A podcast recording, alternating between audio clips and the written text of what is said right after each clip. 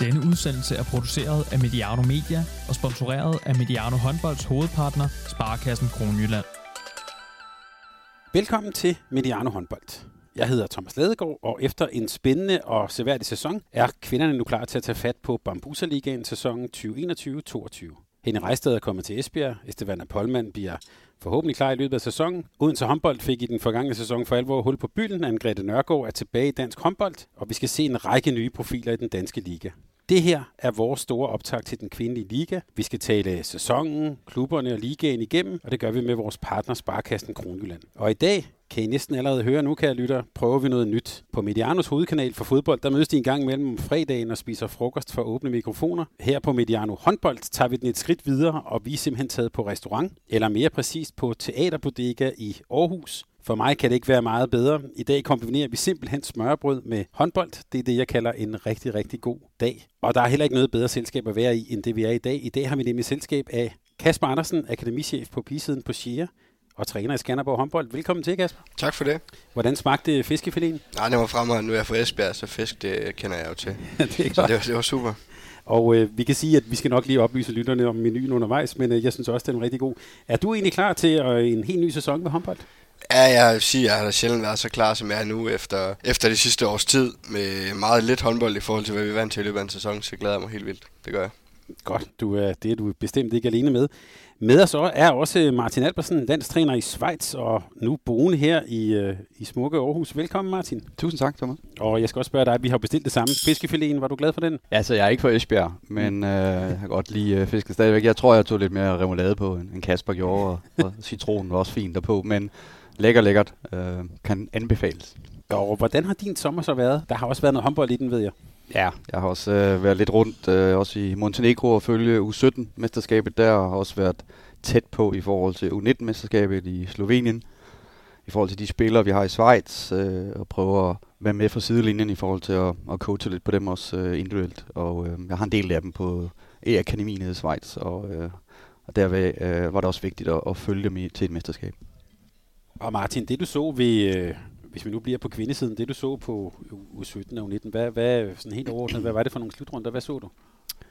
Ja, jeg var egentlig rigtig begejstret over at være tæt på at se den iver og den begejstring, der er for, for vores sport øh, på, på de her mesterskaber. Og må sige, i, i første omgang er det bare fantastisk, at vi kan afholde de her mesterskaber i, i den her forgangne coronatid. Og øhm, jeg var meget skeptisk i forhold til, hvordan kommer de enkelte individer nu her til et mesterskab, og hvordan kan de levere i forhold til, til det tekniske. Og der må jeg sige, at øh, de forskellige lande, de, de arbejder rigtig flot. Øh, russerne stadigvæk rigtig flot med udviklingen af, af de her forskellige øh, sportsudøvere. Øh, jeg har stadigvæk, øh, også i Danmark, synes jeg, en, en god tilgang til det at øh, skabe unge spillere, der skal kunne begå sig på A-niveau. Og vi så også fra dansk side øh, en, en træner her i, i Tuborg, som, som lå en, en Jule øh, Mathisen udfolde sig med sit unikke talent. Øh, der vil måske også være nogen, der vil sige, jamen, hold da op, skal hun have lov at skyde så meget på mål, som vi så til det her mesterskab. Øh, der er måske den, der siger, at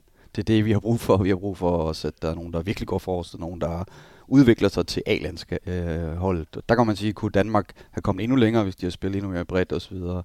Måske. Men i, jobbet for Tuborg, det er altså bare at lave øh, spillere, der kan begå sig på, på A-landsholdet. Så og det så vi også ved Heine og U19-landshold, der bliver, der bliver dyrket de her øh, unikke talenter endnu mere på den side, end vi har set førhen, synes jeg. Og det, øh, det tror jeg bliver godt for, for fremtiden. Og jeg ved, Kasper, du har også siddet og kigget lidt, øh, lidt slutrunder. Hvad, at, øh, var det også godt, det du så? Ja, jeg synes altså lidt ligesom Martin, var jeg også sådan lidt spændt på, øh, hvordan sådan noget her det ville se ud efter, efter en sæson, hvor i hvert fald i Danmark, jeg ved ikke, hvordan det har været i ej, Skandinavien, Nor- norsk ungdomshåndbold har også været ramt af det, men, men hvor de, mange af dem ikke har været ret meget på gulvet, ikke har kunne træne ret meget. Nogle få af dem har, har været heldige nok til at være en del af ligatrupperne, så de har kunne få træning der, men der er også en stor del af dem, som har været ude af håndboldhallerne i en, i en periode og kun har kunne træne fysisk og jeg ved ikke, prøve at opfinde nogle øvelser med bold i haven, og, og hvad man ellers har kunnet, ikke? men noget, som i hvert fald er meget langt fra at skulle til ned og, og spille et, øh, et EM. Så, så jeg synes også, det har set rigtig fint ud, øh, alting taget i betragtning, øh, det synes jeg. Og så kan man sige, at øh, nu, nu er der jo mange, der taler omkring øh, også Ungarn på både U19 og U17-siden, det er jo, øh, og det er jo over en årrække nu, hvor man kan sige, at de har peaked på, på de her ungdomslandshold, så hvis det skulle gå efter talentmasse, og, og hvem er det, der vinder de her ungdomsmesterskaber, så vil vi se Ungarn øh, i fremtiden være stormende øh, frem efter.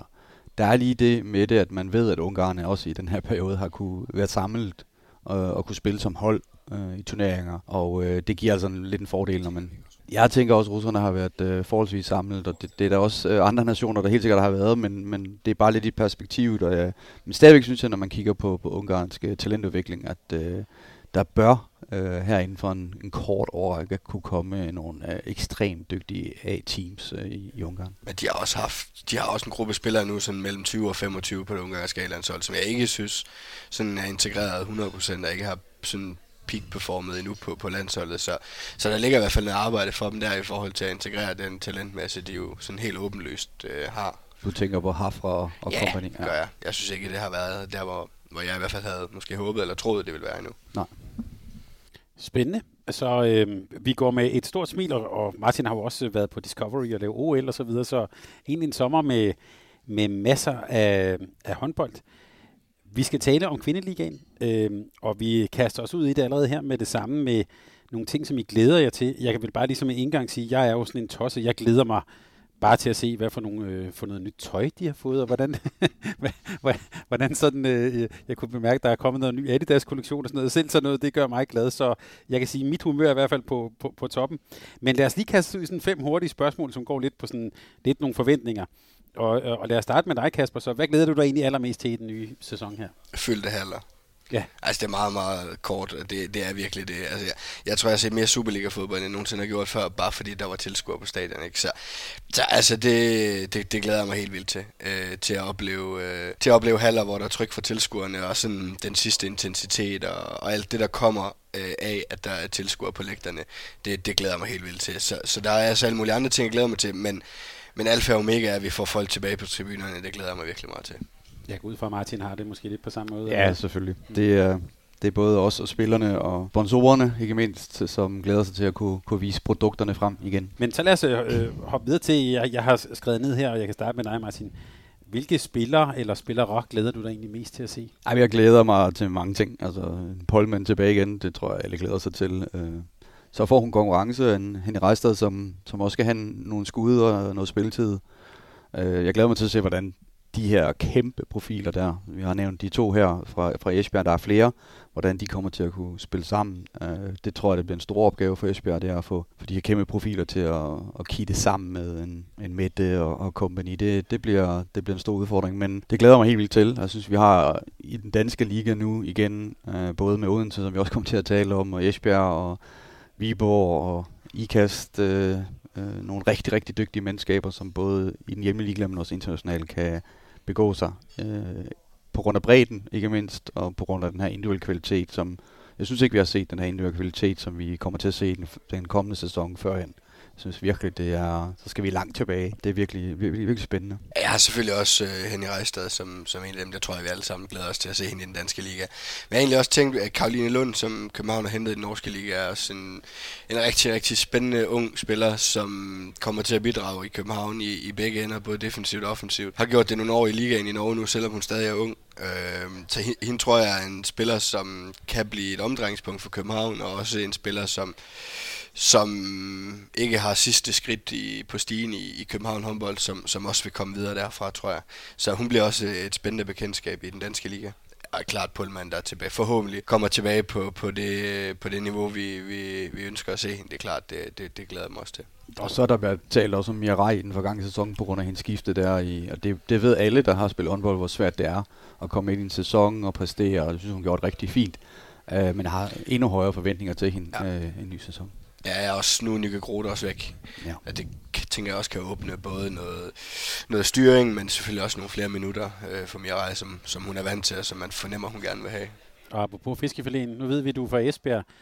Har vi, har vi noget viden fra vandrørene om Polman? Er, altså... Nej, jeg ved ikke noget. Øh, jeg tror, at det, tingene kører lidt ligesom de gjorde sidst, hvor hun er en del i Holland, genoptræner der. Øhm, og, øh, og ellers så ved jeg ikke noget. Nej, jeg tror ikke, de melder ret meget ud om hende. Det kan vi bare håbe på. Men så, øh, så får I lige sådan en dobbeltopgave her, hvis I skal sådan pege på et hold, der er det hold, som er måske blevet mere styrket i forhold til sidste år, og et hold, der er blevet øh, det modsatte, mere svækket. Hvad, hvad, hvad kunne det så være? Ja, altså, jeg sad og kiggede på det, og ville egentlig gerne sige noget andet end Team Esbjerg i forhold til, hvem der er blevet styrket mest, men det, jeg synes ikke rigtigt, jeg kan komme udenom det. Øh, jeg synes, Henning Rejstad selvfølgelig først og fremmest er en vanvittig signing at kunne lave for at holde den danske liga. Øh, så øh, Michael er, de, jeg synes, de har taget lidt fra mange forskellige hylder. Altså Henny er, selvom hun er meget ung, topspiller. Michael Møller er spændende på, på sigt. Øh, så har de fået Dina Ekeli på mål, som jeg tror giver noget helt andet end, øh, end den keeper du de havde sidste år. En, der kommer ind virkelig med noget energi og noget liv og, og en anden type. Og så har de fået en spændende venstrefløj, synes jeg, øh, fra, fra Tyrkiet. Jeg så dem lige en enkelt træningskamp, og der, der kan man også se det lidt noget andet. Øh, hun er lidt noget andet håndbold, hun er vant til at spille, som også er lidt mere energisk og lidt mere vild. Og det, så det bliver også spændende. Så, jeg, jeg synes ikke rigtig, at jeg kunne komme udenom om, øh, om Team Esbjerg i forhold til, hvem der er blevet styrket mest. Og hvis du skulle pege på nogen, der var blevet svækket, hvem kunne? Ja, jeg synes, det er svært, for jeg synes faktisk, når man kigger ned over det, at der ikke er ret mange hold, der er blevet svækket øh, voldsomt. Så, så jeg har ikke, øh, jeg har ikke sådan kunne finde nogen, der sådan er faldet voldsomt i niveau. Men det jeg vil sige, at, at Nykøbing Falster der har mistet en, en, der har været der i nogle år, det Lærke Nolsø, som var anfører, som også var blevet en kulturbærer sammen med Mulle øh, dernede. Og øh, så har de mistet Jone Højse på højre bak, som, som også er en af de spillere, der har trukket et læs for dem, og en af dem, som, som jeg tænker sådan hen over det næste år eller to bliver også en profil i ligaen. Så hvis jeg skal pege på nogen, så er det Nykøbing. Hvordan ser du det, Martin? Styrket, svækket? Jamen jeg er også øh, selvfølgelig, det er jo indlysende i forhold til, til Esbjerg, men jeg vil også sige, uden til, der, der tror jeg, at det vil overraske mange. Det, det håber jeg da, at øh, min profeti det går i opfyldelse for dem. Øh, de har fået en, en Kelly øh, Voldbrik ned fra øh, en, en hollandsk pige ned fra Dortmund, som jeg har også fulgt i rigtig mange år i den tyske liga, og ved, hvad hun kommer med af kvaliteter. Hun vil overraske rigtig mange. Det samme med Bo på den anden side. Øh, på fløjpositionerne ser jeg faktisk, at øh, Odense er blevet klart styrket til, til kommende sæson.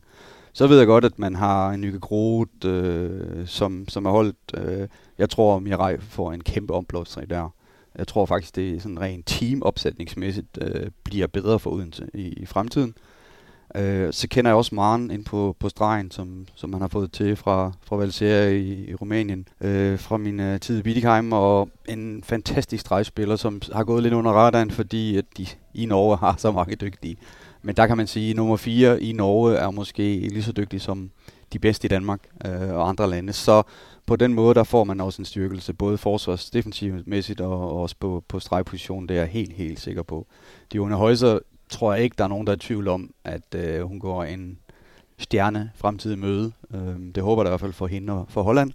Og øh, det er også en, en klar tilførsel af, af kvalitet. Øh, på målvogterpositionen, Tess Vester havde nogle brillante kampe øh, indimellem, men der var også indimellem langt mellem øh, snapsen, og der mener jeg faktisk, at Martina Tørn har et meget, meget stabilt niveau øh, i den danske liga, og hun kender den, og hun, hun har vist rigtig gode jeg tror, takter. Jeg tror også, Odense får behov for, at hun viser gode takter i forhold til Altea og rygskader og en lille smule ustabilitet sådan i, i perioder af sidste sæson. Så hvis ikke, hvis ikke hun er, er 100% hele sæsonen igen, så kommer der også til at ligge et voldsomt ansvar på Martina Tørn.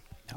Jeg tror på det, og jeg, jeg tror derfor, at Odense øh, også kommer rigtig stærkt ud øh, til næste sæson. Så er det enig i, at Nykøbing... Øh, det, det, det ser lidt svært ud, når man sådan ser på papiret. Men Jakob dernede har arbejdet rigtig øh, godt igennem mange år med at få meget ud af det materiale, han har til rådighed. Så jeg har øh, selvom lige til, at han klarer den igen. Men det ser, det ser svært ud. Øh, altså er det meget de, de samme hold, vi sådan sidder og kigger på, når vi kigger på opsætning. Og så kommer der det, som jeg næsten godt vil indrømme er lidt et ledende spørgsmål.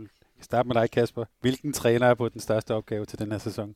Jamen altså, det er Rasmus Rygger og Ajax, og det, er, det har været uanset hvilken træner de har ansat Ajax, så har, tror jeg, jeg har svaret det. Fordi at det har jo ikke noget med, med Rasmus Rygger at gøre, det har noget at gøre med de præstationer, som Ajax har leveret de sidste to-tre år. Specielt sidste år, som, hvor de været øh, næst sidste runde stadigvæk spiller mere om en slutspilsplads. Det, det bliver meget, meget, meget svært at leve op til, til det, og det er heller ikke sikkert, at det, det er det, han skal og det er det, der er i, i dialogen med Ajax, øh, da han bliver ansat. Men, men uanset hvad, så, så, så, så er det godt nok et svært tidspunkt at komme ind i Ajax øh, København på. Kan vi pege på andre, der er på vanskelige opgaver? Jamen alle, alle, ja, ja. alle træner i den her øh, håndboldliga, de er på kæmpe opgaver til næste sæson, og der er jo en historie med til hver klub. Odense kan man gøre det igen. Øh, helt kan han gå ind og, og levere på det niveau, som jeg synes, øh, han leverede på sidste sæson, og hvor årets træner i mine øjne. Øh, kan han det? Øh, Esbjerg øh, med vores øh, landstræner Jesper, kan han øh, styre fortsat det her med at være landstræner og, og få Esbjerg øh, sikkert i havn øh, i forhold til det her stjerne spækkede mandskab. Det er lige så stor en opgave, som, som det er i Ajax. Øh, Silkeborg, som igennem et stykke tid nu har haft øh, udfordringer med at komme på næste niveau, øh, har været rigtig dygtige i mange år, men de vil gerne selv også op på, på næste niveau. Kan de gøre det? Øh, vi har København, der har mistet sidste sæson største profil. Det tror jeg stadigvæk, de går og tænker lidt over, hvordan får vi repareret alle de her ting i forhold til, at øh, Mirak gik til, til Odense. Det bliver en kæmpe opgave derovre for Claus. Det bliver en kæmpe opgave øh, over det hele. Jeg tror, jeg tror faktisk lige nu, så vi også talt om, inden vi gik på, at, at Aarhus øh, ser meget, meget spændende ud i forhold til de, de har ikke store forventninger, og, og Heinegård hygger sig lidt med at, at drille alle de store. Det, det tror jeg bekommer dem rigtig godt, og jeg tror, at de, de er dem, som spiller aller, aller mest frit, og det kan man også se på resultaterne også her i træningskampen, at, at på den måde, der er det måske en eneste hold, hvor jeg sådan tænker, at der ikke er sådan det kæmpe pres på, ellers synes jeg overalt, at øh, der er forholdsvis øh, pres på enten at redde sig i ligaen, eller, eller kunne levere op til, til det her øh, kæmpe forventningspres, der ligger. Efter en rigtig god hønsesalat er vi nu klar til for alvor sådan at dykke ned i, øh, i, i ligaen. Og øh, jeg kan sige det allerede nu, vi gør det på den her måde, at vi sådan øh, tager det lidt i nogle, øh, i nogle dele. Vi kommer ikke til at være super detaljeret på alle hold og alle detaljer, så vil det her tage cirka 10 timer. Men øh, vi skal tale lidt om holdene og lidt om sådan de der, hvad skal man kalde det, indbyrdes sådan øh, styrkeforhold. Men først lige til, til, en, til en start, hvis vi starter med dig, Martin, her. 14 hold i ligaen, hvis, hvis du sådan ser sådan helt overordnet på det, hvordan ser du sådan, øh, er der nogle, øh, hvad kan man sige, nogle grupper eller nogle lag, som du ser i ligaen sådan helt overordnet? Ja, jeg ser de berømte tre lag, som man har haft igennem mange år, synes jeg. De her tophold, som skiller sig lidt ud. Så er der nogle øh, udfordrere til det, som kommer fra andet lag.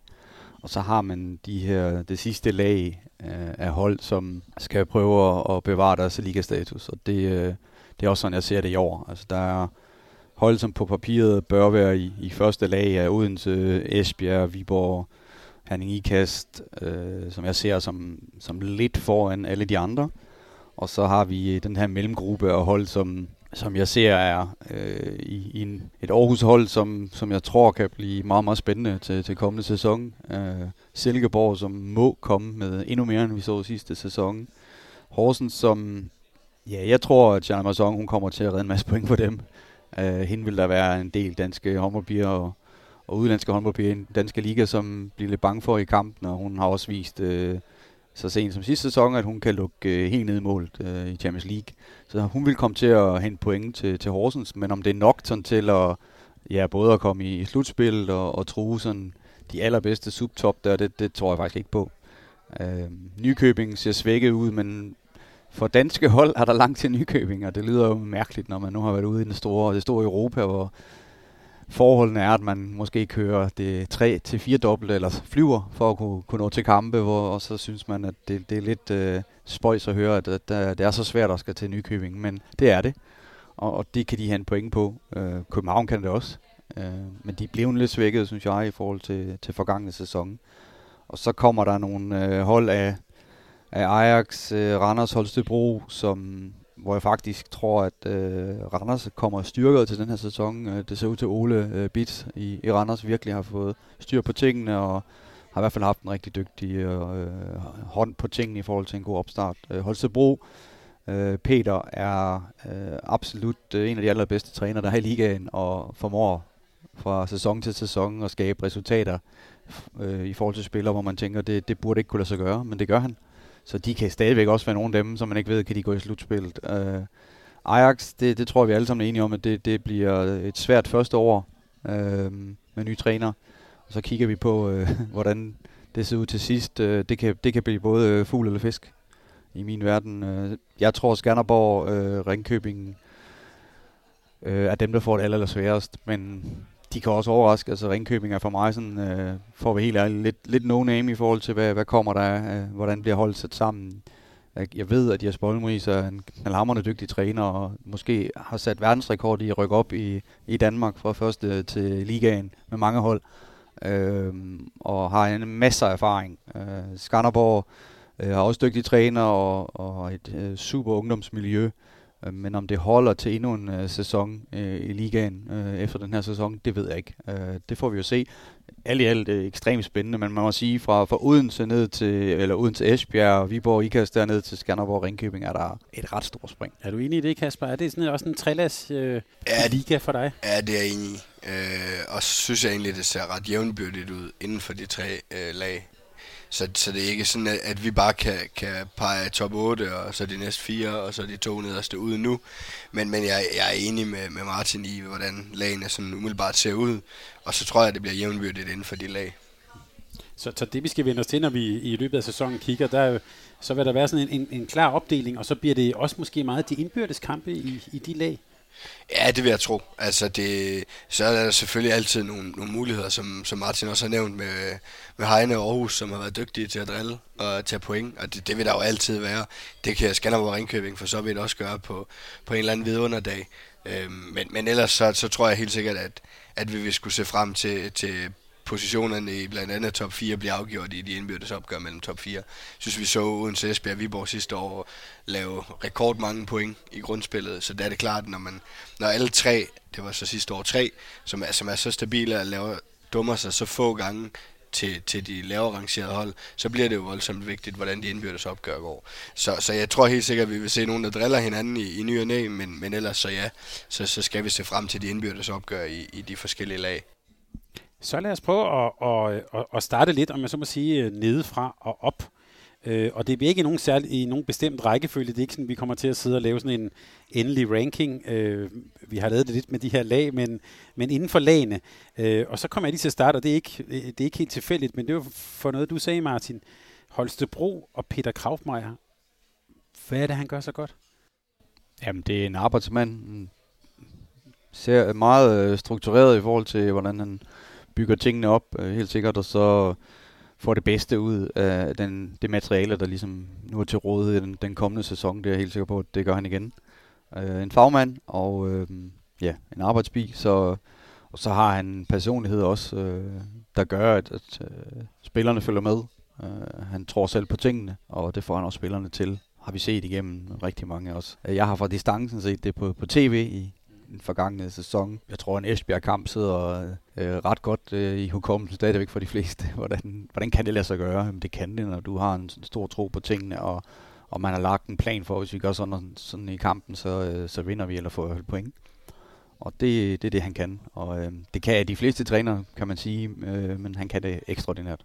Men er Holstebro ved at blive sådan et sted, hvor, altså vi kan jo sige, Michael Møller var tæt på at tage til Holstebro. Er det blevet sådan et sted, man tager hen, hvis man gerne vil have lidt spilletid, noget mere ansvar og udvikle sig yderligere? Ja, altså det er jo i hvert fald typisk en, en ganske ung trup, de råder over Holstebro. Øh, nu har de startet et nyt øh, ungdomstalentprojekt, noget, hvor, hvor de også har fået nogle unge spillere ind, som, som i, i i et omfang skal være en del af ligatruppen. Så, så det er jo i hvert fald en af de, en af de ting, som jeg tror, de vil prøve at, og måske virkelig skubbe endnu mere på sådan fremadrettet. Så, så ja, jeg tror, det er et sted, hvor, hvor man gerne vil være en institution, der kan udvikle de unge til os og, og tage videre. Det er jo i hvert fald, øh, det ser i hvert fald ud som om, man er, man er, man er bekendt med, med de begrænsninger, der er i forhold til økonomi, og, og hamle op med dem længere op, og så er i forhold til talenter osv., det, det er jo en, en anden mulighed for at, at skabe noget niveau i forhold til at være en del af ligaen den kultur, som Peter har skabt i Holstebro, og, og det miljø, der er i forhold til udvikling, det gør bare også, at havde man haft lidt flere penge i den klub, så kunne man have skaffet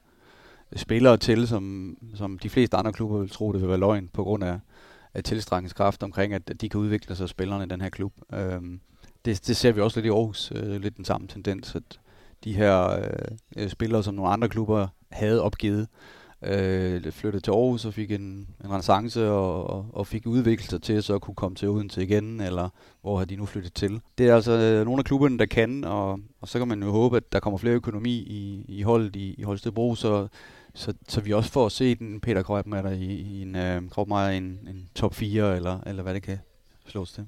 Jeg, jeg synes dog, jeg synes ikke, det, hvis vi sådan sammenligner med, med nogle af de andre, som har lidt den samme rolle, det er ikke mange spillere, jeg sådan lige kan komme i tanke om, de har sendt til, til store klubber, eller, eller talenter, de sådan har udviklet, hvor, hvor man har tænkt, at det der, det, det bliver virkelig interessant på sigt. Der kan man sige, der er Michael lave, øh, som så ikke rigtig nåede at træde ind i, i, i Holstebro, før hun var i Esbjerg, været en af dem, hvor jeg tænkte, der er hun en spiller af Holstebro hen over de næste par år, kan bidrage til eller hjælpe med at komme helt op Øhm, så så der, altså, der ligger også øh, absolut noget, noget potentiale, som i hvert fald ikke er udløst endnu, hvis, hvis det er den rolle, man gerne vil have i Holstebro. Altså Inger Schmidt er vel et ret godt eksempel på en spiller, som lige nu øh, var ret godt spillende også til OL, som man har udviklet, synes jeg, øh, rigtig flot i, i Holstebro. Men, men der er også flere, men, men det er rigtigt, at øh, med de midler, der har været indtil videre, så er det jo også øh, sådan, at de største klubber indtil videre har stadig de største talenter. Og har de så ikke slået til de største talenter i de største klubber, så, så kan de så ryge til Holstebro, Aarhus og så videre. Men lad os nu se, om, om det billede ikke også øh, hen ad vejen øh, ændrer sig lidt. Og nogen, der også er, kan man sige, jo er både af lyst og nød jo sat sig på talenter, det er jo Skanderborg, hvor du er, øh, øh, øh Kasper. Som du siger, øh, øh, Skanderborg, Martin, du var lidt inde på det, øh, Skanderborg og, og, og Ringkøbing, de kommer også, altså, de, de skal kæmpe om, om, om de få point, de nu kan få skrabet sammen, eller hvad? Hvordan ser du? Ja, jeg, jeg, jeg, jeg, så, jeg så, at, øh, at det er sådan, at øh, jamen, jeg vil også gerne tage, tage Horsens med i, i den ligning. Altså Horsens, Ajax, Randers, Holstebro, Skanderborg og Ringkøbing er i, i min nedre del, og så, så tror jeg, at Horsens kommer til at overraske mest af, af, af, af alle de hold sammen med Randers måske. Men ja, altså det er svært at rykke op fra, fra første øh, division i Danmark og skulle spille øh, liga-håndbold, og, og så er det også min egen uvidenhed omkring, hvordan ser holdet sådan helt 100% ud i Ringkøbing i forhold til, øh, Kasper snakker om, der var en, en del ligaerfaring i, i truppen osv. Det, jeg glæder mig til at virkelig at følge. Jeg ved, de har en rigtig rasende dygtig træner. Og øh, så glæder jeg mig til at følge Jespers øh, projekter. Men det bliver vel, hvis vi tager Ringkøbing-briller på, det er vel det der med, de kampe, de har, når de er på hjemmebane, hjemme i hulen, det, det er vel der, hvor de skal have altså, skrabet alt det sammen, de kan. Ja, ja. Altså nu har jeg både med, med Gud med at spille første divisionskampe ned i Ringkøbing, og også set ligakampe inden Ringkøbing de rykker ned. Og det, det er da ikke et verdens nemmeste sted at tage hen og spille. Øh, det er sådan et, øh, et forholdsvis småt lokalmiljø, som bakker rigtig meget op om, om håndboldklubben. Og, øh, og, og håndbold fylder meget der i, i Ringkøbing. Så, så det er helt sikkert, at de har en hjemmebane, øh, hvor, hvor jeg da, tror, at de håber på at kunne skrave nogle point sammen. Øh, så tror jeg jo, at, at Skanderborg og Ringkøbing vil tage ret få point mod, øh, mod mange af, ja, top 8 holdene i hvert fald. Så, så der kommer vi jo lidt tilbage igen til, at der kan godt gå hen og blive indbyrdes opgør, der bliver rigtig vigtigt for både Skanderborg og Ringkøbing, tror jeg. Men jo, Ringkøbing øh, stærk hjemmebane. Nu har de været væk fra, fra ligaen i et par år, og skal selvfølgelig finde tilbage igen, som Martin siger. Og selvom man har lidt erfaring, så, så er det, det, det, det er et voldsomt skifte i, i niveauet på modstanderne, når man, når man går fra første division til ligaen. Ja, det, det er der absolut ingen tvivl om. Og, og den erfaring har Skanderborg fra de, de seneste år, den har Ringkøbing ikke. Øhm, så, så, så der bliver noget tilvænding der. Og vi har været lidt inde på den vanskelige opgave, der, der, der ligger forud i Ajax. Jeg kan godt lige tænke mig lige, at vi sætter et, et par flere ord på, øh, på Horsens. Vi har talt om Tjerna Masson. Det er jo en, en klub, der har satset, og som jo også kommer til at satse til den her sæson. Øh, jeg spurgte til en indledning, hvem man glæder sig til at se. Jeg har en, jeg faktisk glæder mig til at se, og det er Nina Darno, der er kommet fra, fra CV Hof. En øh, spændende, tror jeg, højre bak, men, men selvfølgelig en, der skal udvikles rigtig meget på. Laura Damgaard øh, var jo næsten bedre på landsholdet end for Viborg. Øh, hvad, hvad, hvad, hvad, tænker du, Kasper, om, om Horsens hold? Hvad bliver det for noget håndbold, vi skal se for dem? Ej, jeg tænker, at Laura Damgaard fik jo lov at spille på landsholdet. Ja, det er det, jeg mener. Hun var god på det, det, er lidt, det er lidt nemmere at imponere, når man, når man får chancen.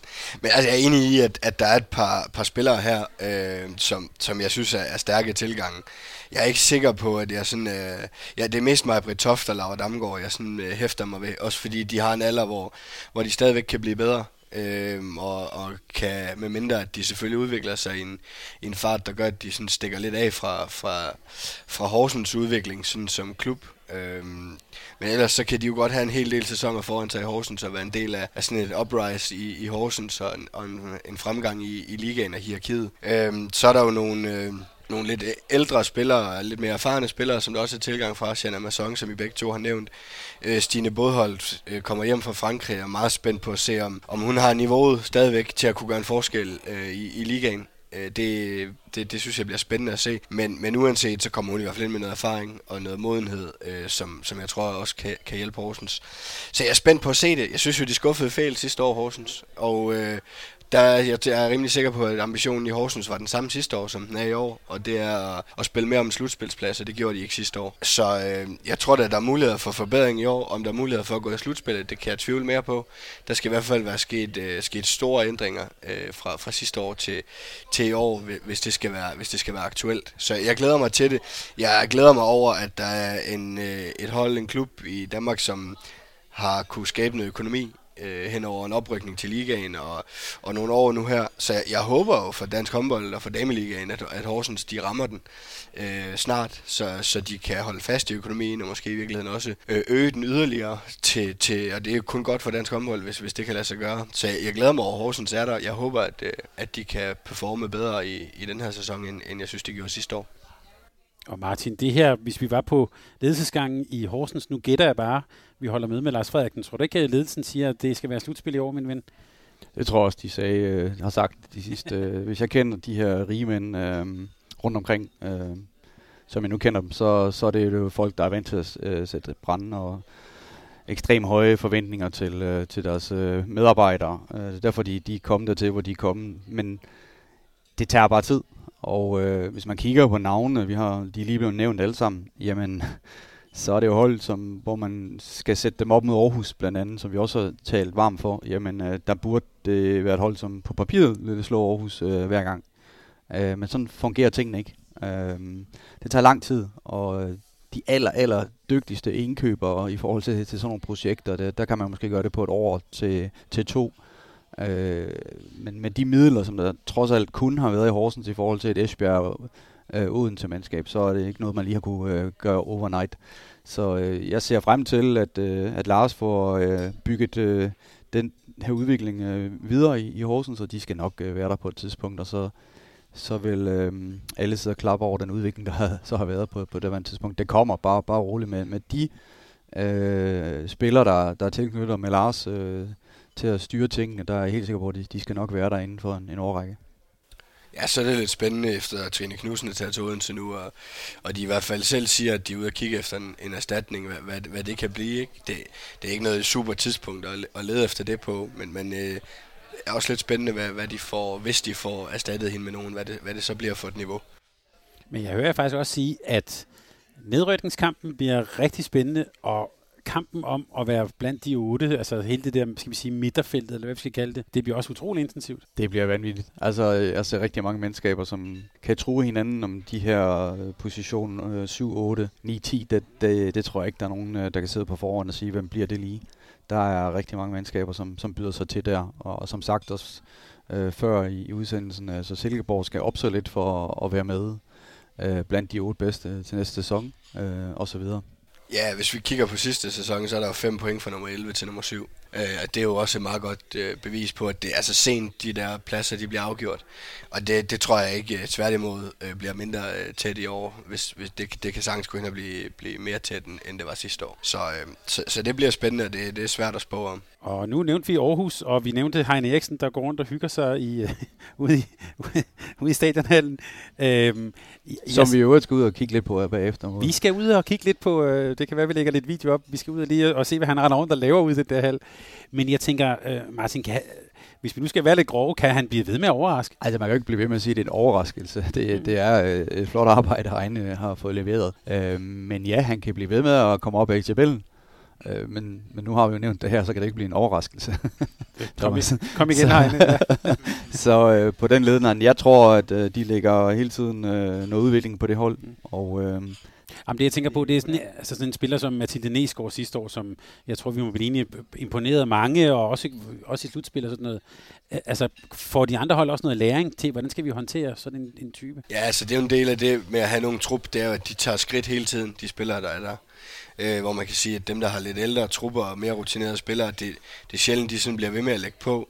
Men, men i forhold til de spillere, som, som Heine har i, i stallen hos ham, så, så vil de jo skulle blive ved med at udvikle sig, fordi det netop er, er et sted, man tager hen for at udvikle sig, som vi også talte om tidligere. Så, så der vil ofte komme nye ting at forholde sig til, øh, som i forhold til forberedelse på, på Aarhus. Øh, og så kommer der jo ret tit, nu kommer der to nye nordmænd ind fra Tertnes også, som jo også er sådan en institution i norsk håndbold, hvor fantastisk dygtige til at udvikle unge spillere, og øh, så, så at Aarhus, de, de så kan, kan få dem derfra og udvikle yderligere på den danske liga. Det, det er en meget god udviklingstrappe, de, de kører med der. Så, og der, der har måske man lavet en god case, at man kan komme dertil. Man, det er et godt sted også, hvis man vil videre. Så har vi nævnt Silkeborg Vole, som, øh, som jeg hørte Martin sige, der, de skal helst tage måske i hvert fald et skridt i forhold til sidste år. De har også fået tilgang af en spiller, som jeg ved, du kender lidt til, nemlig Anne-Grethe Nørgaard. Hvad kan hun bidrage øh, med på sådan et øh, Silkeborg Vole-hold? En ekstrem energi, og øh, det tror jeg, det bekommer holdet rigtig godt. Øh, og det er jo ikke bare, når vi, når vi sidder og kigger på, på AG på, på tv, så er det jo også i træningerne, det i, i den her energi, der nu kommer fra, fra AG, den, den vil kunne øh, styrke Silkeborg i, i mange henseender. Jeg tror, det er nøjagtigt den ja, lidt mere crazy tilgang til tingene, som, som måske øh, har manglet. Øh, Kindberg kommer også tilbage, jeg tror, jeg synes, de mangler rigtig meget i, i det, jeg så i hvert fald mod slutningen. Øhm, så der kommer, der kommer nogle spillere til der, eller to spillere i første omgang, som, som kan styrke det, Jakob gerne vil. Han vil gerne spille rigtig hurtigt håndbold. Øh, det kan ikke også være med til. Øh, og han vil gerne spille bredt i banen, som man også har fløjene med. Han vil ja, generelt have tempo over, over feltet, og der, der tror jeg virkelig, det, det, det bliver et styrket Silkeborg-mandskab. Øh, jeg tror ikke selv, de har været tilfredsstillet, det jeg har hentydet til. Jeg tror, de har set sig selv kunne rykke tættere på top 4 øh, med de tiltag, de har gjort i, igennem. Og det var også en af grundene til, at, at Kindberg ikke røg til øh, i Herning, fordi at, øh, at man troede på, at Silkeborg selv ville være dem, som, som kunne begå sig i top 4 hen ad vejen. Og det, det kan sagtens øh, blive tilfældet, øh, og det er også derfor, jeg tror, at de ikke er helt tilfredse endnu. Og apropos det der med at skrige sin energi ud, duellen mellem Tjerna Masson og Anne-Grethe Nørgaard, det bliver da, det bliver da årets duel. Hvem kan skrige højst? Mathilde Nesgaard også har vi også nævnt. Ja, hun, hun, ja, hun, hun er virkelig også, også tjekket ind på den front der. hun kan også, der, så lydniveauet har vi også, har vi også slået, slået, slået, slået af på. Øh, tænker du også, Kasper, at Silkeborg Vole er nogen, der som måske kan tage et, et skridt opad, eller Ja, ja, altså nu er det sådan lige et skud for hoften, for jeg kan ikke huske det 100%, men det er ikke mere end et par år siden, hvor de, de blev 5 eller sekser i grundspillet, og han en rigtig, rigtig god sæson. Han fik også et par fine spillere ind efter sæsonen, hvor jeg sagde i en podcast her på det her medie, at, at nu troede jeg faktisk, de for alvor banket på til at, at tage en fjerdeplads i grundspillet øh, og være en semifinaludfordrer. Og siden da, der, der, der er det ikke helt gået sådan. Så Øh, det, det så, hedder så, Kasper Forbandelsen. Nej, det håber, jeg, det håber jeg ikke. Øh, men, men ikke desto mindre, så var de der. Øh, og de var meget, meget tæt på. Og jeg synes også, de har haft trupperne øh, sådan hen over årene til, ikke nødvendigvis at være top 4, men i hvert fald præstere bedre og ende højere, end, end de har gjort de sidste par år. Øhm, og så har der været rigtig mange skader, og der har været graviditet, og der har været nogle ting, som man ikke sådan lige altid kan kalkulere med, som, som selvfølgelig også har haft en, en, en effekt. Så, så jeg tror da, jeg tror og håber da, at det er stadig ambitionen, og jeg tror da også på sigt, om det lige bliver i år, det kan jeg måske tvivle på. Men, men jeg håber da, at det, det er ambitionen på sigt, og jeg tror ikke, det er urealistisk. Der er ingen tvivl om, at budgettet i Silkeborg over de forgangne år er øh, vokset markant. Øh, hvis man ser seks år tilbage, og så ser på Silkeborg, så ser i dag, så er det et helt andet øh, Øh, økonomisk råderum, som Jakob har til at, at købe spillere for. Så der er større forventninger fra, fra Silkeborgs side til, at, øh, at de skal ryge op i rækken, det, og jeg kan jeg sagtens forstå. Så lad os bevæge os ind i det, der måske kunne være noget af den, det øverste lag, eller i hvert fald det, øh, det omkring. Øh, jeg tænker, at vi lige kan tale lidt om, øh, om de to hold, eller to holdene i Øst, nemlig Nykøbing og København. Vi kan lige starte med at sige, at det er altid sjovt, når man siger, at det er et lokalopgør, når et hold fra, fra Nykøbing Falster møder et oh, fra København. Godt jo, øh, han ikke er her, når du begynder på det der. ja. Nåede du egentlig som øh, København-træner spille med Nykøbing? Ja, ja. ja, ja, ja. ja, ja. Det var det, opgør. Det var der, hvor det begyndte. opgør. men, øh, men lad os prøve at tale lidt, lidt, lidt, om de, uh, lidt om de to. Vi nævnte lidt i indledningen, at Nykøbing kunne måske Øh, Øh, jeg ved ikke, med, øh, om de, de steder er svækket, men bliver det en vanskeligere sæson for dem, tror du, Kasper? Ja, det tror jeg. Jeg synes også, de er svækket, sådan, når man kigger på, på det håndboldmæssige. Jeg tror godt, de kan, de kan få det svært. Nu er jeg lidt spændt på sådan en som Mia Svele, som sådan lidt er gået i glemmebogen nu, fordi at, øh, hun som kom til fra Storhammer sidste år. Øh, en rigtig, rigtig talentfuld playmaker, som jeg egentlig havde... Jeg glæder mig over, at hun kom til Danmark. Jeg glæder mig til at se hende, og hun gik jo ret hurtigt ud med, hvad jeg, så vidt jeg husker, var en korsbåndsskade. Jeg tænker, at hun øh, sådan med hastige skridt nærmer sig at, at blive en del af det igen. Øhm, og det, det er så i hvert fald en, en styrkelse øhm, at få hende tilbage igen. Men ellers, så som jeg sagde tidligere, så, så er det jo en, en, en kulturbærer, en spiller med et meget, meget højt niveau, de har mistet i Nolsø, og også øh, det samme i, i Dione. Så, så ja, altså, jeg tror, de bliver udfordret, det må jeg sige. Jeg synes, øh, de ser sværere ud end sidste år. Et af de forhold, som jeg synes er, er, er blevet en lille smule sværere end sidste år. Så, så jeg tror, de kan få det svært, men igen, så har de deres hjemmebane, og der begynder at komme tilskuere ind igen. Og det, er- det er da om, om muligt øh, det sted, hvor det er den største fordel øh, i landet at få, at få tilskuere ind på lægterne igen. Så, så det kan selvfølgelig gøre noget positivt for dem. Øhm, men hvad Jakob Larsen så opfinder til træningerne og, og op til kampene af, af kreative løsninger og, og, og påfund, det, det, det kan godt give dem noget. Øh, men, men jeg tror, jeg tror de, de bliver udfordret. De, de får vel egentlig også en rigtig fin keeper tilbage igen, Ja. som også er ved at være klar igen. Det er selvfølgelig også en styrkelse. Den havde jeg glemt faktisk.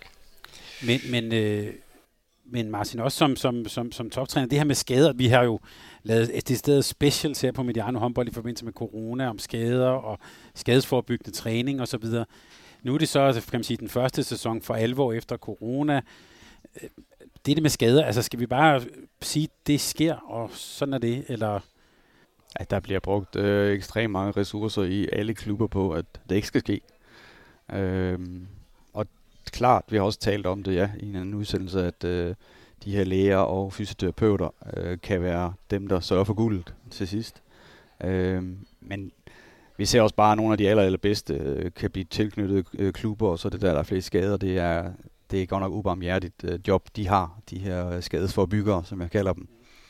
Øh, Så det bliver altid en faktor, og det kan vi ikke sidde og spå om her. Hvem, hvem vil, vi kan sige, hvem kommer tilbage fra skader, og hvilket, hvad det kan bibringe de her klubber. Øh, glædeligt med, Vi glemmer dem nogle gange, dem der har været, øh, mindre det vi snakker om Polman og den kaliber. Øh, så er ja, hun er øh, absolut, øh, har selv været øh, i kamp med hende, øh, da hun spillede for Storm og en super, super dygtig pige. Øh, der er spillere, der kan komme tilbage og blive afgørende, men Øh, der vil også komme skader. Jeg kan ikke, desværre, jeg vil gerne kunne pikke ud og sige, øh, der og der kommer det til at ske. Øh, så man kunne forberede det endnu bedre, men det vil komme i løbet af sæsonen. Ja, der er jo også øh, unge Emilie Steffensen, som jo der har været meget snak om og så videre, men som ikke fik så meget spilletid ved skade og sådan noget. Øh, hvor ser du hende? Ja, men det er jo svært at sige, når, når hun har været ude. Ikke? Men, men jeg synes i hvert fald, at Emilia er sådan en case, der har været, haft svært ved at tilpasse sig seniorhåndbolden i ligaen. Hun er stadigvæk ung, skal vi huske, så, så det er slet ikke fordi, det er slut, og det, det ikke bliver til noget. Men, men hun er ikke en, jeg ser komme ind øh, og sådan løfte Nykøbing, øh, løfte Nykøbings niveau. Hun kan bidrage, og, øh, og det er et stærkt bidrag til bredden af truppen. Men, men hun, jeg ser Mia Svele som en, der kan komme ind og løfte Nykøbing og løfte niveauet. Det, det ser jeg ikke med Emilie. Det, det synes jeg ikke, vi har set hende. Øh, jeg synes ikke, vi har set hende på det niveau i seniorhåndbolden endnu, som, som gør, at, at vi skal forvente, at hun kommer ind i ligatruppen og løfter det. Og så har jeg set Sofie Flag, der ligger også af topscorer i nogle af, Ja. træningskampene. En, som primært er forsvarsspiller. Præcis. Ja. Hun, hun, men det så vi jo også sidste år i slutspillet. Hun, øh, Ja, men, og det er slet, hun kan sagtens gå ind og bidrage offensivt også. Det, det, det, det er der ingen tvivl om. Altså. Og så øh, fra Nykøbing og så til et sted, hvor Sofie Flag, der har spillet, og hvor der også har været mange skader, og som jo også du kender rigtig godt, Martin, nemlig København håndbold. Jeg hørte dig næsten lidt sige, at du synes, de var lidt svækket i forhold til sidste år. Altså jeg tænker, alle klubber vil i første omgang blive svækket, hvis man mister en profil, øh, som de har gjort i sidste sæson. Og der kan man sige, at Michael Messing har var udråbt til det kæmpe store talent i Sverige øh, for tre sæsoner tilbage. Har så været lidt på turné både i Tyskland og tror sidst i Rumænien. Dygtig, dygtig spiller, ja.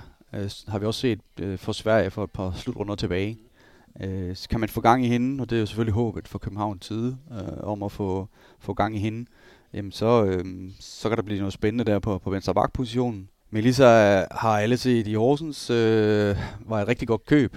Absolut øh, skal integreres. Øh, og man forventer selvfølgelig, at, at det, er, at det er den spillertype, der kan være med til at øh, kreere det spil for København. Øh, som Claus har, har været dygtig til ligesom at have en forlænget arm på, på banen i forhold til den her øh, playmaker-position. Det, der har man helt sikkert udset sig øh, Melissa der. Øh, så synes jeg, at at det er lidt spændende også at se øh, Bundsen i mål, så kan hun leve op til det, vi så her til OL, så, så bliver det et spændende hold. Uh, jeg synes, hun har nogle tendenser der til OL, som var meget, meget, meget spændende. Det ser, hun ligner jo lidt Niklas Sandin, den Ja. der, hendes stil, den der, Ja, det ser, det ser så nemt ud, når hun redder bold. var sindssygt dygtig. Mm. Men også sige, at i forhold til indkøbspolitikken, så, så har det ikke, altså for nogle år tilbage var det til en top 4 i, i, i Europa, man, man købte ind efter, og nu, nu laver man top 4 i Danmark, og det er lidt sværere, når, når de økonomiske rådrum ikke er, er på samme høje niveau, som det har været i København. Og det er også derfor, man har, har solgt ud af nogle af, af arvegåset, vil jeg sige. Det har virkelig været uh, dygtige spillere, der også er gået fra klubben der. Så det bliver sværere for København, det tror jeg. Og det, uh, Claus er jo sæson efter sæson klaret alting med bravur, så jeg sætter mig lid til, at han, han klarer en, en god placering igen, men jeg ser det i svære forhold, han har at under. Og så uh, apropos skader, Olivia Mellegaard, også en fantastisk dygtig svensk venstrefløj, øh, kommer tilbage nu. Man kan jo sige, i modsætning til da du startede op, mange danskere, det her er jo nærmest et svensk sådan halvlandshold, vi, uh, som København sender på banen. Jeg ved, der er svenske flag i Frederiksberghallen, det kan der komme endnu mere til den her sæson. Og så, men så har de også fået en, en, en, en, en norsk kvinde, som jeg ved, du kender lidt til, Karoline Lund, øh, og du nævnte hende også helt op i starten. Hvad er det, vi skal glæde os øh, til at se ved? Jamen altså, en, en ung spiller, som har stor fysik, øh, som er i den grad en udpræget toejspiller, som både kan komme til, hvis ikke hun skal det fra starten af, at dække i midterforsvaret for København håndbold, og samtidig kan, kan spille angreb, både på venstre bak og som playmaker. Øh, stor fysik, kan, kan afgøre bolde fra distancen, men, men spiller også klogt og kan spille tæt på forsvaret og, og skabe sammenhæng i spillet. Jeg synes, hun har rigtig, rigtig mange kompetencer. Øhm, og, en, og en spændende spiller, som, som allerede på, på et ret tidligt stadie har, har en del ligaerfaring fra, fra Norge. Så, så det, det tror jeg virkelig er, jeg tror det, det er en rigtig god signing, jeg tror det er en spiller, som, som vi godt kan forvente os en del af i, i den danske liga.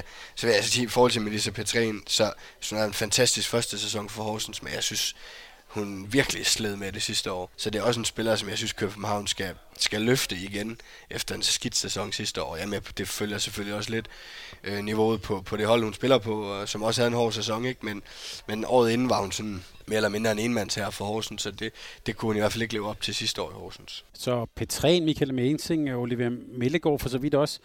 Øh, tre spillere, som som vi må sige, ja, det bliver spændende at se, hvad det bliver til. Øh, det kan blive rigtig, rigtig godt. Øh, og det kan også blive noget, de kommer til at bokse med i løbet af sæsonen. Ja, jeg tror i hvert fald, det er ikke, det er ikke øh, tre spillere, som bare vader ind og dominerer fra dag i dag. Øh, men, men som Martin sagde, så har de været dygtige til at sætte tingene sammen i København. Vi har også tidligere talt om det her med, at de, de, de solgte Mirai i december måned. En, det er en voldsom opgave at stå foran som træner, ikke? Øh, men det, det, det klarede de altså også øh, ganske imponerende. Så, så må ikke, at de får, øh, får rigtig meget ud af de der øh, 3-4 øh, nye eller tilbagevendte øh, spillere. Det, det tror jeg skal nok klare sig godt igen. Vi kan sige til lytterne, at vi optog faktisk en samtale med Claus Mogensen, tror jeg, en halvanden måned efter han var meget venlig og diplomatisk, men ja. jeg tror godt, man kunne mærke, øh, at irritationen, eller hvad du skal kalde det, frustrationen. Det er de vist de første, der ønsker sig at miste sådan en spiller midt i sæsonen. Før vi lige bevæger os ind i sådan en top 4, som vi talte om, så vil jeg bare sige, at alle de hold, vi indtil videre har talt om, hvem af dem banker mest på, hvis vi skal have en udfordrer til en semifinal? så bliver der stille. Hvem, hvem spørger du, Thomas? Jamen det, jeg spørger ja, så spørger. Du, så spørger du lige Martin, så tænker jeg lige Ja, så siger vi sådan her, Martin, hvem er det? hvem er de hold? Sådan, øh, ja, og det, du skal selvfølgelig, jeg beder dig selvfølgelig om at komme med et frisk bud, men... men ja, jeg synes, at øh, der er de tre, vi har været snakket om de tre, som, som er København, som er Aarhus, som er Silkeborg, synes jeg. Øh, jeg ser også Nykøbing mere svækket. Øh, og, og derfor ser jeg de andre tre der som, som mest. Og, og ja, altså, nu måske rost øh, Heine Eriksen og projektet der for meget, men altså, det, de gjorde jo øh, væsentligt mere forskel af sig, end vi har regnet med i, i slutspillet øh, sidste sæson. Øh, der var meget snak om, om, om top og bund i det her slutspil, og man må bare sige, at de gjorde alt til skamme. Og hvorfor ikke øh, få lagt et ekstra lag på det? Øh, så det tror jeg, de kan blive en, en stor udfordrer. Jamen altså, Mogensen og København der, de skal også nok få stabiliseret sig. Øh. Men igen, jeg siger bare, det har været det er en sværere overgang, han er i gang med lige nu, end det har været førhen. Øh, men, men han har en masse skud i bøssen for, for sin erfaring, øh, kasse der, så han skal nok øh, også kunne blive en udfordrer. Og Silkeborg, jamen, øh, det er nu. Har du tænkt færdigt nu, Kasper? Ja, hvis jeg skal, hvis jeg skal pege på en, så, så, så tror jeg, at det for mig er København håndbold. Jeg synes, de har nogle profiler, som de andre hold, vi taler om her, ikke har. I hvert fald, hvis de får det ud af dem, som, er, som jeg er overbevist om, er i dem. Øh, så, så, så for mig at se, kan det blive København, der, der, der kan være udfordret. Men jeg er enig i Aarhus. Altså sidste år, efter tre runder af, af slutspilspuljen, der lå de vel faktisk sådan OK til en semifinal. Så tog Odense så derfra et alvorligt ryk og vandt resten af kampene hele sæsonen. Ikke? Men, men, men, øh, men nej, så, så peger jeg på København. Så har jeg peget på en, og Martin peger på tre. Sådan er det. Ja, det er godt. Så har vi bevæget os frem i vores snak til, man kan sige, det som vi startede med at definere som sådan en slags øh, top 4. Der har vi nævnt Odense, Esbjerg, Viborg og Herning Ikast. Og med tanke på sidste års øh, semifinaler og øh, også bare ja, finaler og, og, og bronzekampe og så videre, så må vi også sige, at det er jo i hvert fald fire hold, som øh, jeg tror ikke, der er nogen, der bliver overrasket over, at vi har placeret dem øverst. Det var jo endte jo med at blive meget lige til sidst. Ser I også øh, styrkeforholdet mellem de fire hold som ret lige? Ja, altså det, det, det gør jeg. Det er klart, at jeg, jeg, jeg, jeg synes godt, jeg kan pege dem ud, jeg synes ser stærkest ud. Men, men, men når det er sagt, så, så er det ikke fordi, at at der er kæmpe forskel. Øh, når man sætter sig ned og kigger på trupperne, så, så synes jeg, at der er en, bekra- en betragtelig forskel. Øh, I hvert fald på, på Herning Ikast og de andre. Men vi må også sige, at Herning Ikast gjorde det godt sidste år. Øh, gjorde sig i den grad gældende i tre turneringer. Og øh, ja, præsterede flot, og øh, det kan jeg ikke se, hvorfor de ikke skulle gøre igen. Så, så, så ja, jeg synes, det ser tæt ud mellem de fire øverste. Martin, så lad os lige hoppe ud i, øh, øh i en klub, som du også kender rigtig godt, nemlig Viborg, øh, som jo øh, øh kan man sige, spiller sig frem til finalen sidste år. Der, det lugter af noget deroppe. Øhm, jeg vil lige spørge dig om en detalje først. Fisker og Nolsø på samme hold. Hvad er meningen med det? Og det tror jeg bliver rigtig fint. Et, jeg tror, at Nolsø bliver klart nummer et på, på venstre fløj. Øhm, og så Fisker kan byde sig til med nogle af de kvaliteter, hun også har øh, som håndboldspiller. Altså reelt set, uanset næsten hvilken position i, i bagkæden også du sætter Fisker på, så vil hun være blandt de bedste øh, super håndboldhjerne, øh, ekstrem, øh, aggressiv øh, spillestil og teknisk øh, på meget, meget højt niveau. Så jeg tror, at der er nogen hold, som vil få svært ved at styre hende som playmaker. Hun har også før spillet playmaker i øvrigt i klubben. Så det tror jeg, det er tankegangen i forhold til at, øh, at have de to spillere. Jeg kan ikke forestille mig, at man vil prøve i, i store dele af kampen at spille med dem begge to også sammen. Men, men skal vi se det som sådan lige over, at det er Fisker ind og Karin Strønberg ud? Altså, øh, er, er det sådan, de kommer til at spille, tror du? Altså, jeg er ekstremt vild med øh, Strømberg, også øh, når vi ser på det svenske landshold, hvad hun har, har gjort for, øh, for sit hold der til OL, øh, og også for Viborg igennem en årrække, men jeg så også nogle, nogle ting, som jeg, jeg tror, at, at holdet bliver bedre uden, uden Karin. Det, det er min klare bevisning. Øh, fyldte ekstremt meget i mange, i mange ting, når man så øh, deres kampe, øh, både på godt og ondt. Og øh, ja, jeg tror, jeg tror, det vil blive en, øh, et nyt mandskab. Der vil blive øh, mere flow på spillet. Der vil blive spillet mere bredt, i, apropos, øh, i spillet. Og, øh, og det tror jeg bekommer Viborg godt. Og så det er klart, at, at lige nøjagtigt på et felt, der, der har de været øh, lidt i syvseng omkring, at øh, Karin skulle væk, og det har været forsvarsdelen, hvor de har haft problemer med at finde ud af, hvad gør vi så. Øh, Camilla Fangel er kommet ind, ekstremt erfarne spiller, som øh, også før har vist øh, de kvaliteter, hun har som træer. Øh, så hun vil gå direkte ind og styrke det forsvar. Så øh, jeg frygter ikke sådan på nogen måde for, for Viborgs fremtid, øh, ud, fremtidig udvikling i forhold til den, den kommende sæson. Jeg tror, de, de vil være absolut største udfordrer til de to store, øh, Odense og, og Esbjerg. Og jeg tænker, at nogle, nogle, nogle spillere, som jo er helt umulig at komme udenom. Heldigvis vil jeg sige, er jo Anna Christensen i målet og Christina Jørgensen. Øh, og nu har vi talt i andre sammenhænge om det der med at lægge lag på eller udvikle sig. Har de mange flere lag at lægge på, tror du? Ja, ja. Ja, det, det er der ingen tvivl om. For en ting er, øh, hvis vi tager Christina Jørgensen, en ting er, at der er mange mål og, og, og sådan noget, men, men der er en masse rutine, man tillægger sig. Som jeg sagde, da vi afrundede sidste sæson, så er det jo første gang, Christina Jørgensen stod i en stor finale. Så, så bare den erfaring er jo et yderligere lag til, til hendes som personlige udvikling. Øh, så, så der er masser, de kan lære endnu. Anna er også øh, mere grøn i det, end, øh, end, end Christina er, så, så der er masser, de kan lære endnu. Det, det, det er der ingen tvivl om.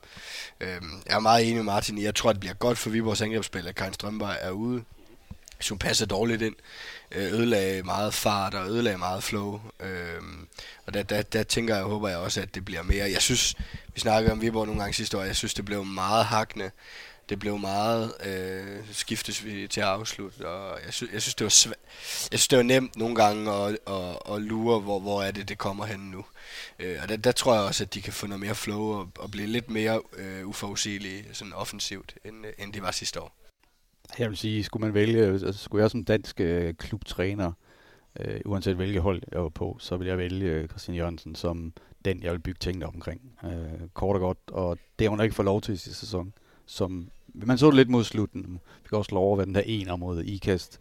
Han ikast i, i de her vigtige kampe, men, men ja, der er meget mere i hende, og hvis hun får lov rigtigt at folde sig ud, så har vi en verdensstjerne der i Danmark. Jeg kan huske, øh, Martin, vi talte i forbindelse med en, tror jeg, en Champions League-udsendelse. Der kunne vi ikke lade være lige at komme ind. Der, vi havde nogle emner op, som det her med kynisme, men også noget med det der med at, jeg giver mig bolden, nu skal jeg afgøre det. Det kan jeg huske, der var du meget begejstret for at se Christina Jørgensen.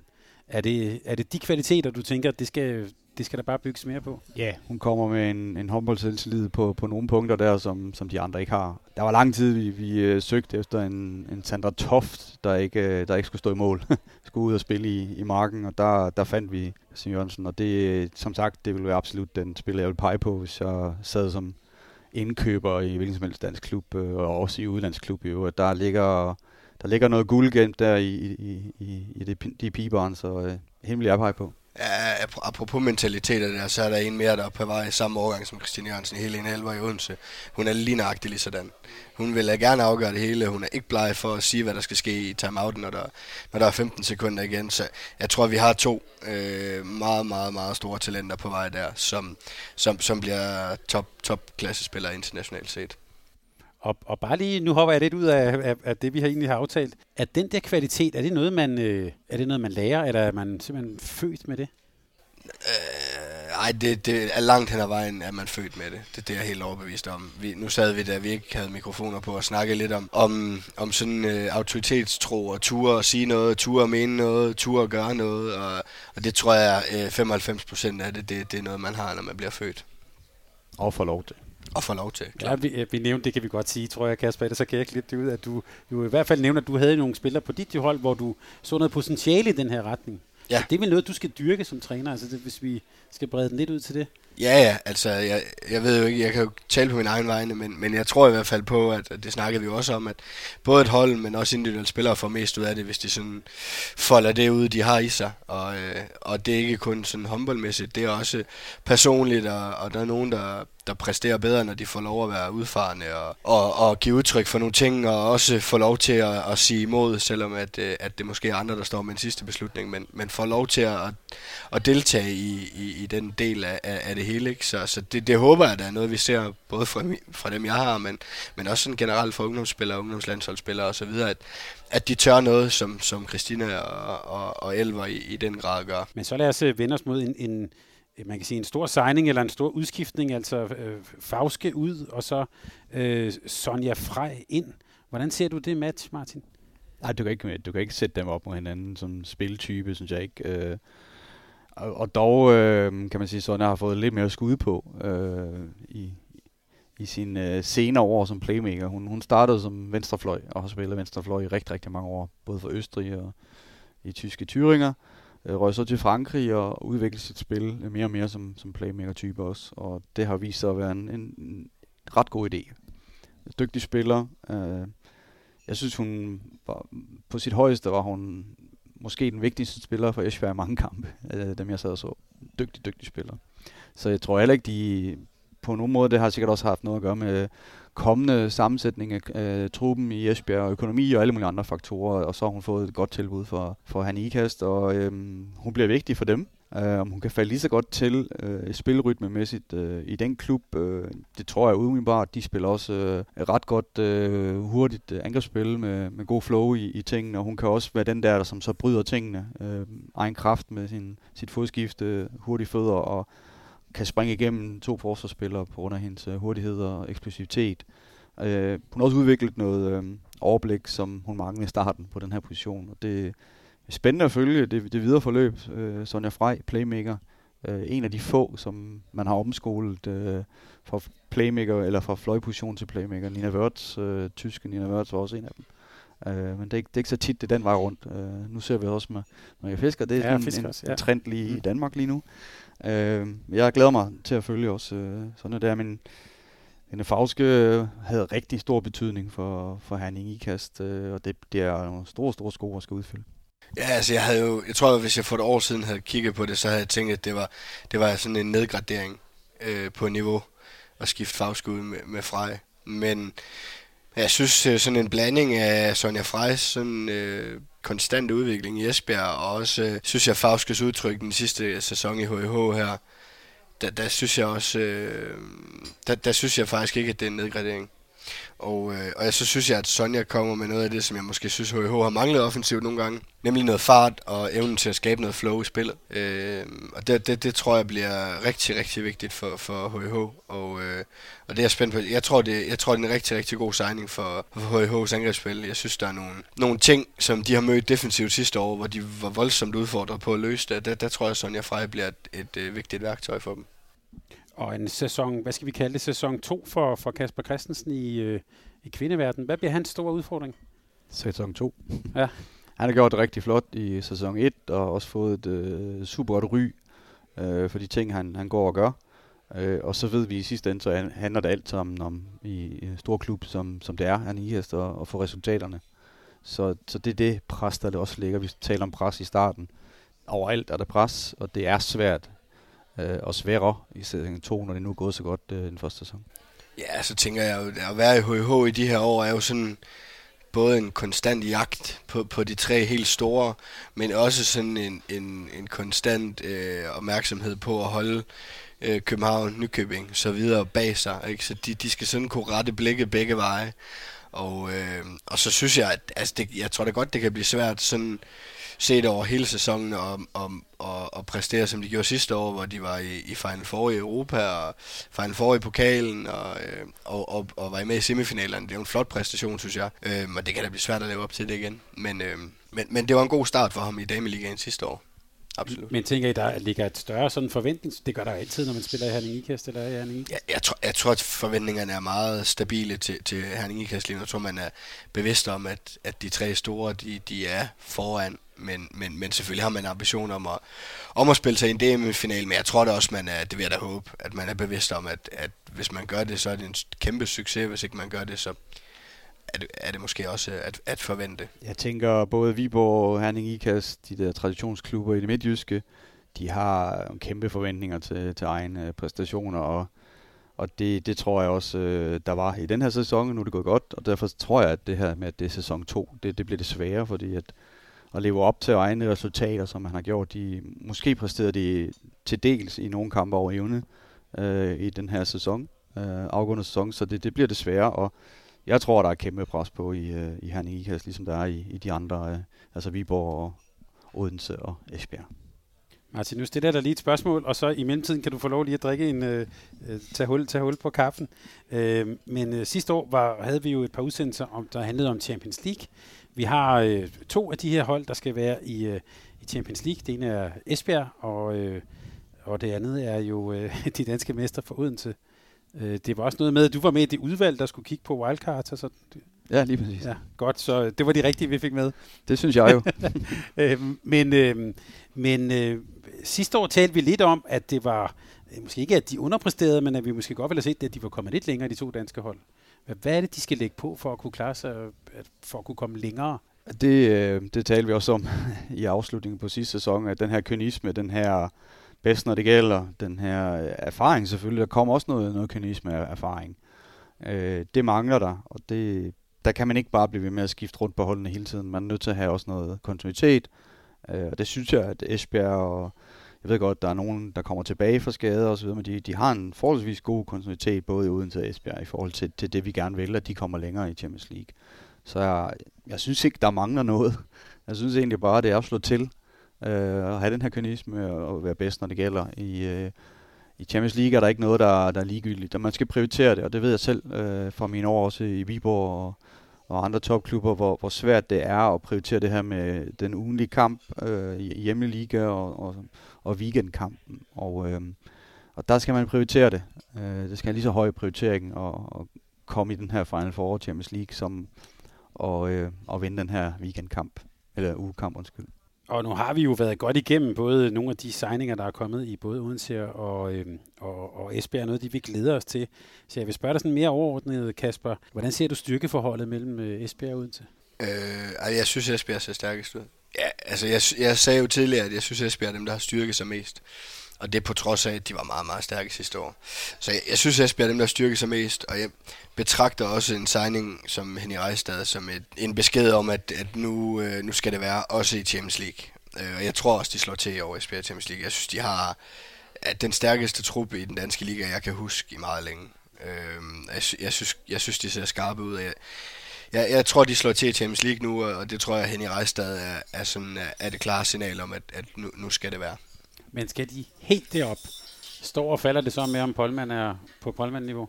Det tror jeg ikke. Altså, de har hentet MVP i, øh, fra Champions League-finalerne øh, sidste sæson, så det burde være Henning Reistad, som skulle helt derop, hvis det er det, vi skal tale om, øh, hvem skal helt op. Men altså, det er bare ikke en spiller, det er, det er truppen. Øh, det her med kynisme, som jeg var inde på, det er, at, at, at man for det første selv mener, at man skal i den der øh, Final Four, og det skal de ville.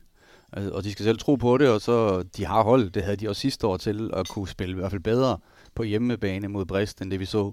Øh, så for mig er der, det er marginaler, øh, men det er også meget den indstilling til, øh, kan et dansk hold være med? Altså for, for nogle af de andre klubber, de er op mod, der er det jo en selvforståelse, at de er i Champions League Final Four. Øh, det er de vant til, og det er det, de skal igen. Og det synes jeg også, at øh, Esbjerg og, og øh, i hvert fald Esbjerg, men også Odense skal sætte sig for, at, at de skal gå hele vejen. Og man kan sige, normalt er det sådan, at den danske mester har øh, lidt nemmere program Champions League-mæssigt, øh, end, end dem, der får wildcardet. Så, så forventer, at øh, Esbjerg også er med helt frem. Jeg tror også, altså jeg tror, at Esbjergs selvbillede i den kommende sæson er, at de er top 4 i Europa. Det tror jeg. Og jeg synes, at nu snakker vi meget Polman, vi snakker meget hen i Rejstad, men de har også meget Frafjord, og de har Vilde øh, Ingstad Mortensen på stregen, og det er meget, meget stærkt. Og det er jo et af, et af de, en af de årsager, der også til, at jeg synes, de er stærkere end Odense. Jeg synes, de er klart stærkest på stregen. Og jeg synes, de har en fløj i hver side, som er top 3 i Europa. Øhm, så, så der er nogle af de positioner, som vi måske ikke snakker helt så meget om, når vi, når vi snakker Pullman, Rejstad, Mirai og så videre, hvor Esbjerg de er meget, meget stærke. Og ikke har lige på målet. Prøv lige at sætte et på på hende.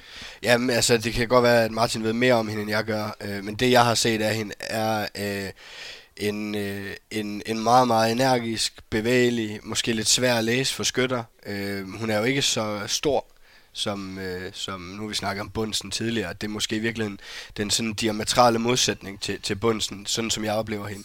Meget bevægelig, meget energisk, øh, meget vild ind i målet egentlig. Øh, men det kan være, Martin øh, ved mere om hende, end jeg gør. Jeg har trænet hende et par år i, i Bietigheim, og, og, øh, og det er en, øh, det er en, det er en dygtig pige også mentalt. Altså, Øh, det er jo ikke sådan alle tyske piger, der absolut skulle omkring Danmark. Der, der har helt sikkert øh, været en grund til det. Hun har også set, at øh, Esbjerg er en af de her udfordrere til at, at komme i, i Final Four. Det er derfor, hun er her. Det er helt sikkert. Øh, eksplosiv, ja. Og så en af de der type målvogter, som bedst også, når det gælder i forhold til nærskud, det er logik. Altså hun er ekstremt hurtig på, på linjen, men også øh, de lidt mindre målvogter er jo normalt vi er bedst, når vi kommer hen i sidste halvdel, første halvleg og, og anden halvleg, kvad deres størrelse, og, og det er bare sådan uh, procentmæssigt, så kommer skuddene længere ned i målet, uh, jo længere vi kommer ind i kampene. Der er noget med energi, det er noget med kraft på, på skytterne, og der er hun rigtig dygtig, så uh, det er i hvert fald et rigtig, rigtig godt våben, de, de har fået til klubben, og, og meget anderledes end en, en målvogtertype, end det de har været vant til, så det, det tror jeg bekommer dem godt. Og hvis jeg nu skal presse dig lidt igen, ligesom det med, med hvem der udfordrede top 4, ser du også Esbjerg som lige den der en, lige en snydespids foran Odense? Det, det kan jeg faktisk ikke sige, og det er sådan helt oprigtigt, at jeg, jeg synes, Odense kommer også med nogle ting i sidste sæson, som vi ikke har set før, og det er også kvæg øh, Kirkelykke, som kommer med noget at tro på, at vi skal vinde det hele, og vi kan. Uh, og så synes jeg også, at de er blevet godt forstærket, som vi var inde på før, i forhold til andre positioner, så jeg tror, det bliver drabelige kampe, øh, og så igen, hvis man så bummer mod øh, Viborg eller, eller Ikast, øh, Herning Ikast, eller hvem man bummer mod, jamen så, så kan det være afgjort på andre måder til sidst. Så det, det er det dejlige ved det danske slutspil, at du kan være bedst øh, i nærmest hele sæsonen, og så til sidst, så kan det, du bumme det alligevel. Så det er der, hvor jeg siger, det her med at have fokus på Champions League og den hjemme liga, det er bare hammerne svært, når vi snakker om, måske den sidste uge, kan der være to finaler, øh, eller tæt på. Så, øh, så på den måde er det, øh, det er et andet setup, end når vi snakker om de, de hold, der skal, skal arbejde med ikke at rykke ned af ligaen. Så er der de her hold, som skal både være gode i Champions League og være, være gode i en hjemmeliga. Så det er også derfor, vi har set de her resultater. Blandt andet med øh, Holstebro, der, der kan spille lige op med Esbjerg. Det burde være umuligt øh, så sent på sæsonen, men det er kvæg. Hvor, hvor ligger vores fokus hen? Bare lige til sidst, øh, vi har jo talt en del om tidligere, det her hele det her narrativ omkring Odense, og de vinder, vinder aldrig noget og sådan noget. Nu har de vundet. Bliver, bliver det et andet, sådan, anden historie, anden ting omkring Odense? Ja, det vil jeg håbe. fordi øh, man siger, der var meget skarp kritikken og sådan snakken om Odense i, i, i de år op til de så fik titlen sidste år. Så, så nu håber jeg, at man kan pakke det lidt væk. Mig selv undertegnet, som også har, har siddet og skudt lidt med skarpt her nogle gange. Øh, jeg synes i hvert fald, de har vist nu, at, øh, at de kan det. Jeg synes også, de har vist efter en ret stor udskiftning af det, som de startede med i deres HC Odense-projekt, så synes jeg, det er langt mere spændende nu. Det kan meget mere. Så, så de er helt sikkert med deroppe nu, og øh, man skal holde tungen lige i munden, hvis man skal følge med Odense og Esbjerg de næste par år. Martin og Kasper, tak for et godt selskab her Selv tak. på Teater Bodega. Det var en fornøjelse. Jeg håber, I synes om maden. Ja, det var et fremragende setup. Det Det. Fremragende mad. Men tak fordi I vil være med, og tak fordi I vil komme med ikke bare skarpe bemærkninger, men også jeres, jeres viden. Det var en fornøjelse. Absolut. Og jeg kan sige, nu glæder jeg mig ikke bare til de nye spilletrøjer, nu glæder jeg mig faktisk også til at se en masse spændende spillere. Og hvis vi kunne flytte fokus fra tøjet til spillet, så er vi glade. det er godt. Tak for det. Tak fordi du lyttede til en podcast af Mediano Håndbold. Hvis du kunne lide udsendelsen, så husk at abonnere på Mediano Håndbold, der hvor du hører podcasts. Så får du den seneste udsendelse serveret direkte til dig. Du må gerne fortælle dine venner om os, og husk at følge os på Facebook, Twitter og Instagram. Mediano Håndbold kan lade sig gøre, takket være Sparkassen Kronjylland. Vi har gået hånd i hånd siden foråret 2018,